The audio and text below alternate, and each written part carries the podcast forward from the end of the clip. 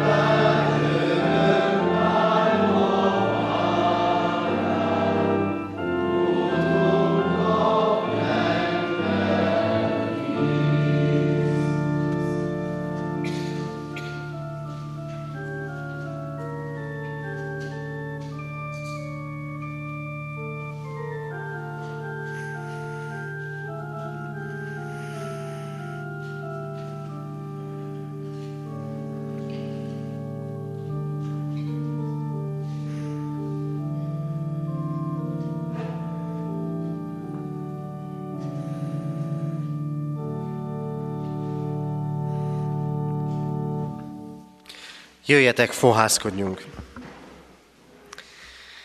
A mi segítségünk, Isten tiszteletünk megáldása, megszentelése jöjjön a mi Urunktól, aki úgy szerette világot, hogy egyszülött fiát adta, hogy aki hisz benne, el ne vesszen, hanem örök élete legyen. Ámen. Urunk Istenünk, újra és újra hálaadással állunk meg előtted, régi hitvallók bizonyság tételeiért, így ezért az énekért is. Azért, hogy mindig voltak olyanok, akik meghallották a te szavadat, akik megtapasztalhatták azt, hogy ha rád bízzák életük dolgait, akkor te hordozod azokat. A terhekkel, a gondokkal együtt, Utat készítesz még a kietlenben is, és még az igát, a terhet is elhordozhatóvá teszed, sőt, célt adsz az ember életének. És köszönjük neked, Urunk, hogy mi is ezeknek a bizonságtevőknek a sorába állhatunk be. Hálásak vagyunk azért, hogy mi is oly sokszor megtapasztaltuk már, hogy utad van számtalan sok és hogy ránk tekintettél és felemeltél bennünket. És köszönjük, Urunk, hogy minden egyes ige, minden egyes ige hirdetés és üzenet, ami megtalál bennünket, arról biztosít, hogy Te ugyanúgy szeretsz bennünket, mint szerettél, és ma is hordozott terheinket, éppen úgy, mint a régi időkben. Így jövünk hozzád, Urunk, most is, és kitárjuk előtted az életünket, a lelkünket, és várjuk a Te szavadat. Kérünk Téged, Urunk, szólíts meg minket a Te igéd igazságaival, a tapasztalnunk közelségedet, értenünk akaratodat, vigaszt és reménységet merítenünk igédből. Kérünk, hallgass meg minket, Urunk! Ámen. Kedves testvérek, Isten igéjét, melynek alapján lelke segítségével üzenetét hirdetem, írva, olvasom Máté evangélium a 11. részéből, annak 28., 29. és 30. verseiből a következőképpen. Jézus Krisztus mondja, jöjjetek én hozzám minnyájan, akik megfáradtatok és megvagytok terhelve, és én megnyugvást adok nektek. Vegyétek magatokra az én igámat, és tanuljátok meg tőlem, hogy szelíd vagyok, és alázatos szívű, és megnyugvást találtok lelketeknek. Mert az én igám jó, és az én terhem könnyű. Ámen. Eddig Isten írott igéje. Kedves testvérek, az elmúlt két estén hallhattunk üzenetet arról, hogy az Isten igenis feladatokat bíz ránk jelen való világban, de ezeket imádságos lélekkel végezhetjük, ő pedig áldásokat készít nekünk. Hallhattunk arról, hogy vannak közöttünk olyanok, és mi magunk is az ő sorukba állhatunk be, akik mások terheit vállalják el és hordozzák, és mégis mennyien elfáradnak ezen az úton.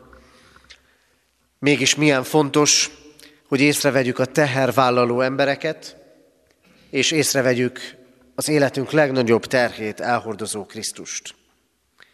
És így ennek a sorozatnak záró alkalmaként ma a teherhordozásról lesz szó, pontosabban arról, hogy Krisztus hogyan szegődik mellénk ezen az úton.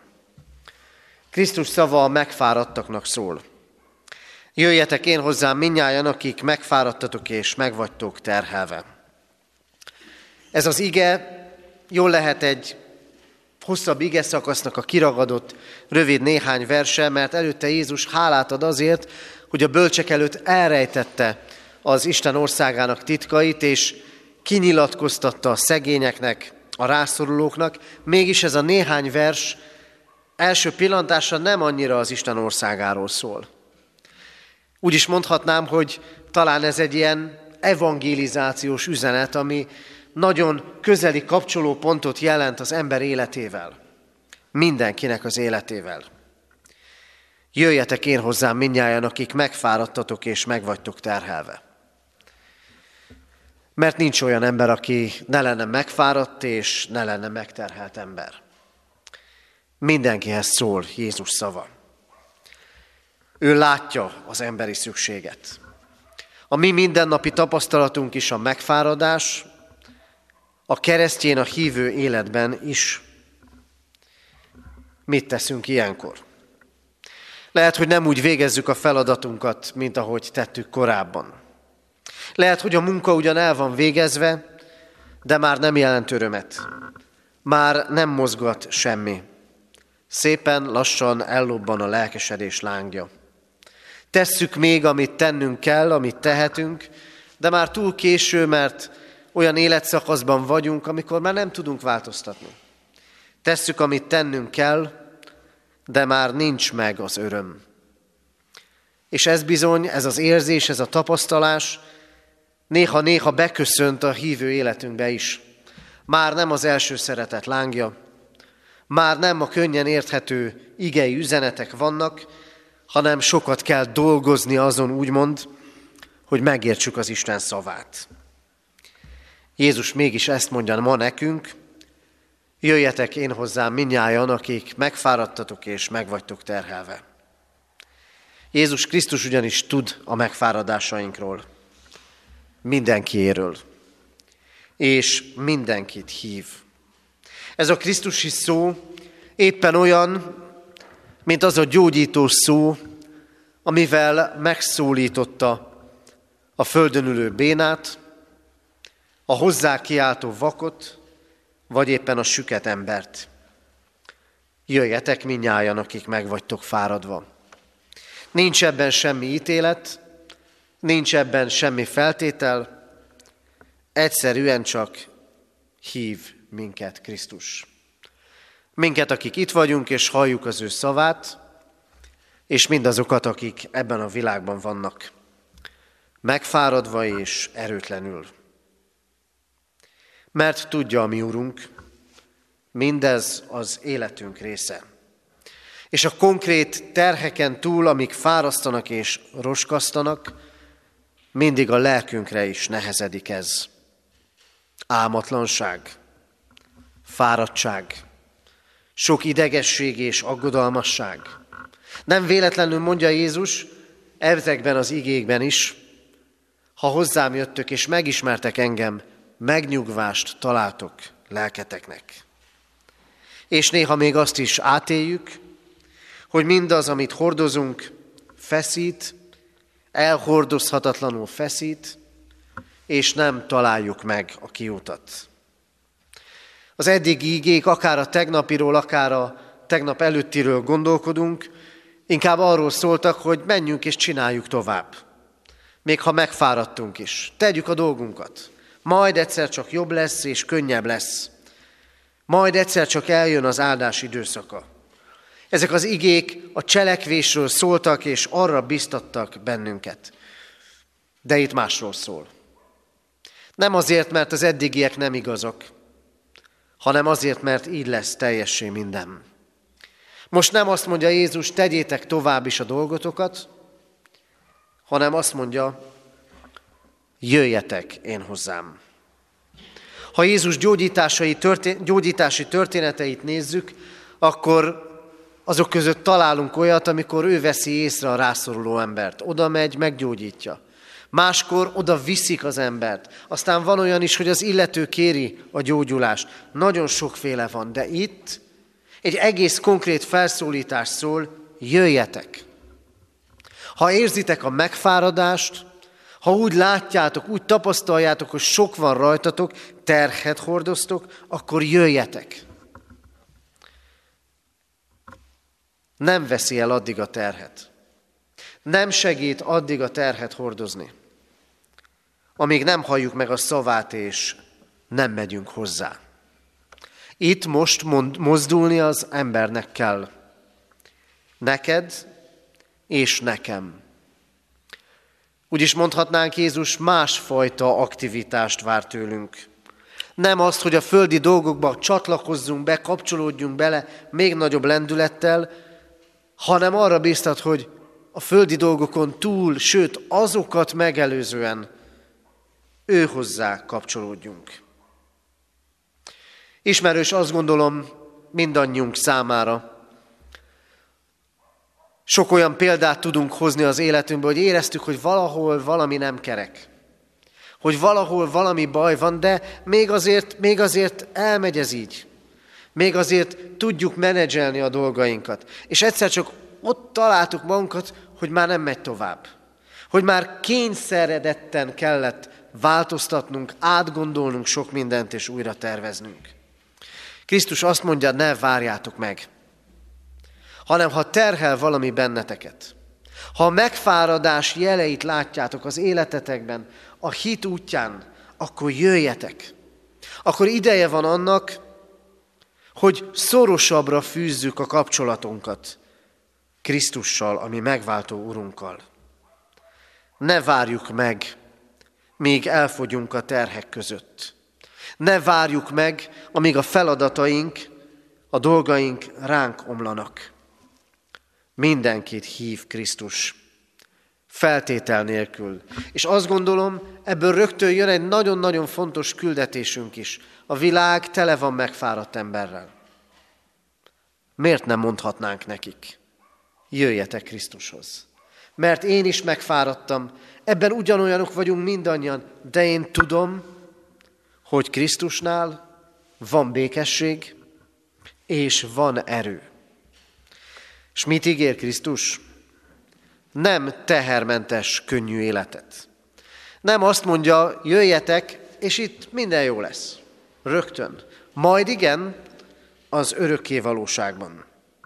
Nem tehermentes, könnyű életet ígér, hanem olyan terhet, olyan igát, ami értelmes, ami könnyű, ami jó. Értelmes, könnyű és jó. Milyen nagy dolog ez. Krisztus nem úgy szól, ahogy a világ, ahol mindent megígérnek nekünk, és tudjuk, hogy ha mindent megígérnek, és, és nem mondanak semmi apróbetűs dolgot, akkor már kifinomultan érezzük, ott azért még van valami amit nem mondtak el nekünk. Jézusnál ilyen nincs. Ő világosan beszél. Aki követ engem, aki én hozzám jön, annak az életében is lesznek igák. Annak az életében is lesz teher. Nem vak hitet vár, és nem ilyen hitet kíván tőlünk Krisztus járnak terhek az ő követésével. Ő maga is sokszor beszélt erről a tanítványoknak. Üldözés, gúnyolódás, belső lelki harcok, tusakodások az óemberrel, vagy éppen a bizonyságtétel nehézsége, mert sokszor olyan nehéz megszólalni, vallást tenni róla. Iga van Krisztus követésében is, meg Krisztus követése nélkül is. És persze úgy van az, hogy sokszor az ember úgy hord igát, hogy nem is tud róla. Elmondtam már régebben egy ige hirdetésben azt a példát, amit most újból fölhozok, hogy barátokkal nyaralni voltunk, és nekem elősz, előbb el kellett jönni a nyaralásból, és érzékeltem én, hogy valamivel nehezebb a hátizsákom a kelleténél, és mikor megérkeztem egyébként Balatonszárszóra, két vasúti fékpofát találtam még a hátizsákban, plusz terheket vittem úgy, hogy nem tudtam róla. Így vagyunk sokszor. Plusz terheket viszünk úgy, hogy nem is tudunk róla. Csak azt érezzük, hogy nehéz. Mert Krisztus nélkül hordozzuk. És egyébként is hányszor kérdezzük meg, van értelme még elhordozni a másét? Van értelme még ezt a terhet is hordozni? És még az Istent is vádoljuk, de hát Uram, miért?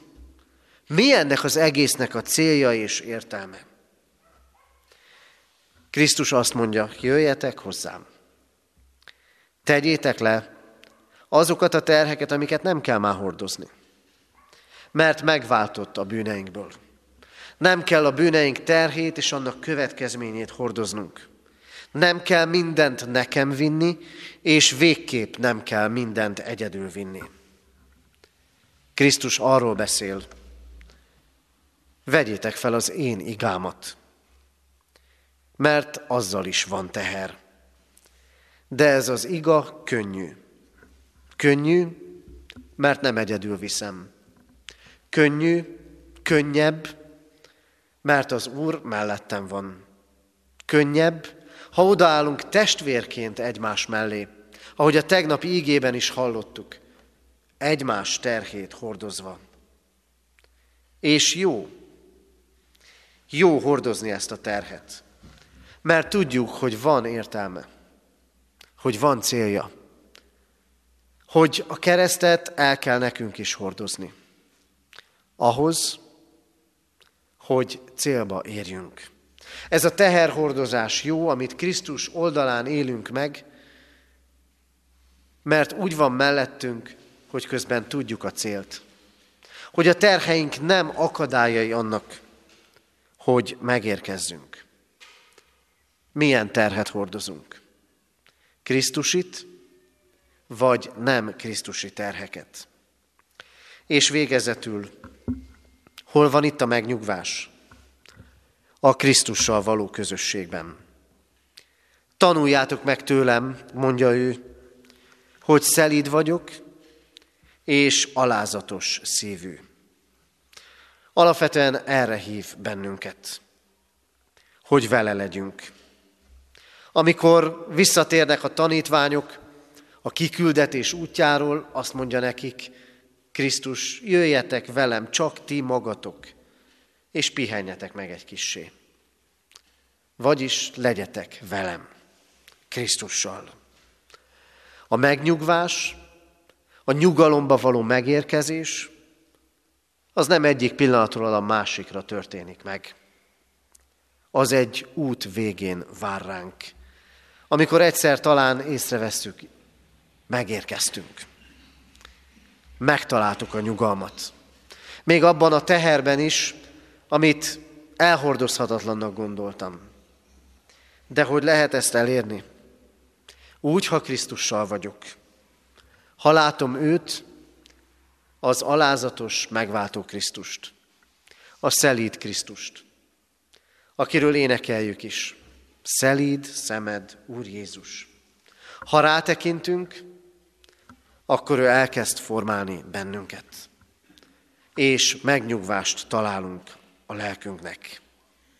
Krisztus szelítsége így biztat, és így hozza el a nyugalmat az életünkben.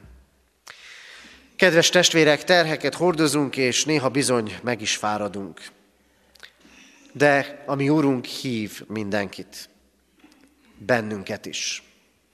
Mindenféle igánk közül, hogy minden terhünket rávessük, és hogy az ő igáját vegyük fel, amely könnyű, mert ő segít hordozni, és mert testvérek vannak mellettünk, és jó, mert értelme és célja van. Legyünk így Krisztussal együtt.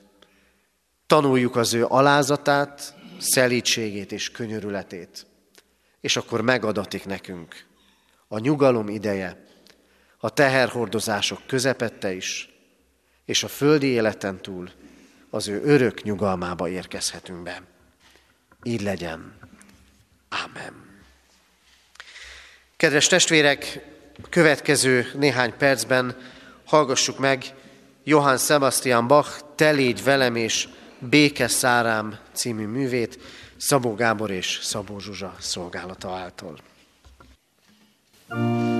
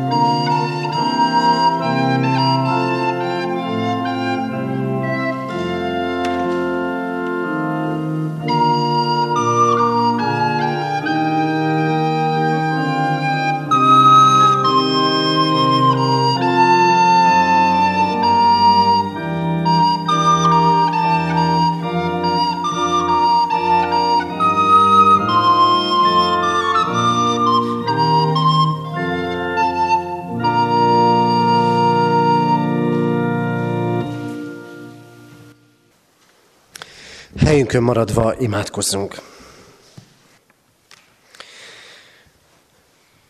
Urunk Jézus Krisztus, áldunk téged azért, mert mindenek előtt magadhoz hívsz bennünket, hogy veled legyünk. Tudod jól, Urunk, megfáradásunkat, terheinket, védkeinket. Tudod jól azokat a terheket, azokat az igákat, amiket magunkra vettünk, vagy ránk nehezettek, és se nem könnyűek, se nem jók, se nem boldogítók. Szorossá tették az életünket. De köszönjük, Urunk, hogy a Te szavad szólt ma is hozzánk, és köszönjük, hogy neked van hatalmad elhordozni életünk terheit. Urunk, hadd válasszuk újból a Te terhedet és a Te igádat. Engedd megtapasztalnunk azt, hogy hordozod velünk a terheinket. Adj nekünk bizalmat, Urunk, abban, hogy amit ránk mérsz, az ránk van szabva, és az jó, az még áldás is lehet. És köszönjük neked, Urunk, hogy a veled járás útján, ahogyan egyre inkább megismerünk téged, kegyelmedet, alázatodat, szelítségedet, mégis határozottságodat, igazságodat, aközben kegyelmedből ránk találhat a békesség. Így kérünk, Urunk, adj nekünk nyugalmat terheink között is, itt ebben a földi létben, és engedd meg nekünk, hogy életünk, földi életünk után az örök nyugalomba érkezhessünk meg hozzád. Köszönjük, Urunk, ezt a mai alkalmat, és imádságban kérjük el tőled, Urunk, a holnapot, a nagy gyülekezeti közösséget, az úrvacsorai együttlétet. Kérünk téged, Urunk, hadáljunk meg előtted őszinte szívvel és bűnbánó lélekkel, és kérünk, hadd éljük át életünket, megújító hűségedet. Kérünk, hallgass meg minket, megváltó Úrunk. Ámen. Fennállva imádkozzunk, ahogy a mi Úrunk Jézus Krisztus tanított bennünket. Ti azért így imádkozzatok, mi atyánk, aki a mennyekben vagy, szenteltessék meg a te neved. Jöjjön el a te országod, legyen meg a te akaratod, amint a mennyben, úgy a földön is. Minden napi kenyerünket add meg nékünk ma, és bocsásd meg védkeinket, miképpen mi is megbocsátunk az ellenünk védkezőknek. És ne vigy minket kísértésbe, de szabadíts meg a gonosztól, mert Tiéd az ország, a hatalom és a dicsőség mindörökké. Ámen. Alázatos lélekkel fogadjuk a mi Úrunk áldását. Jézus Krisztus mondja, Jöjjetek én hozzám minnyáján, akik megfáradtatok és megvagytok terhelve, és én megnyugvást adok nektek.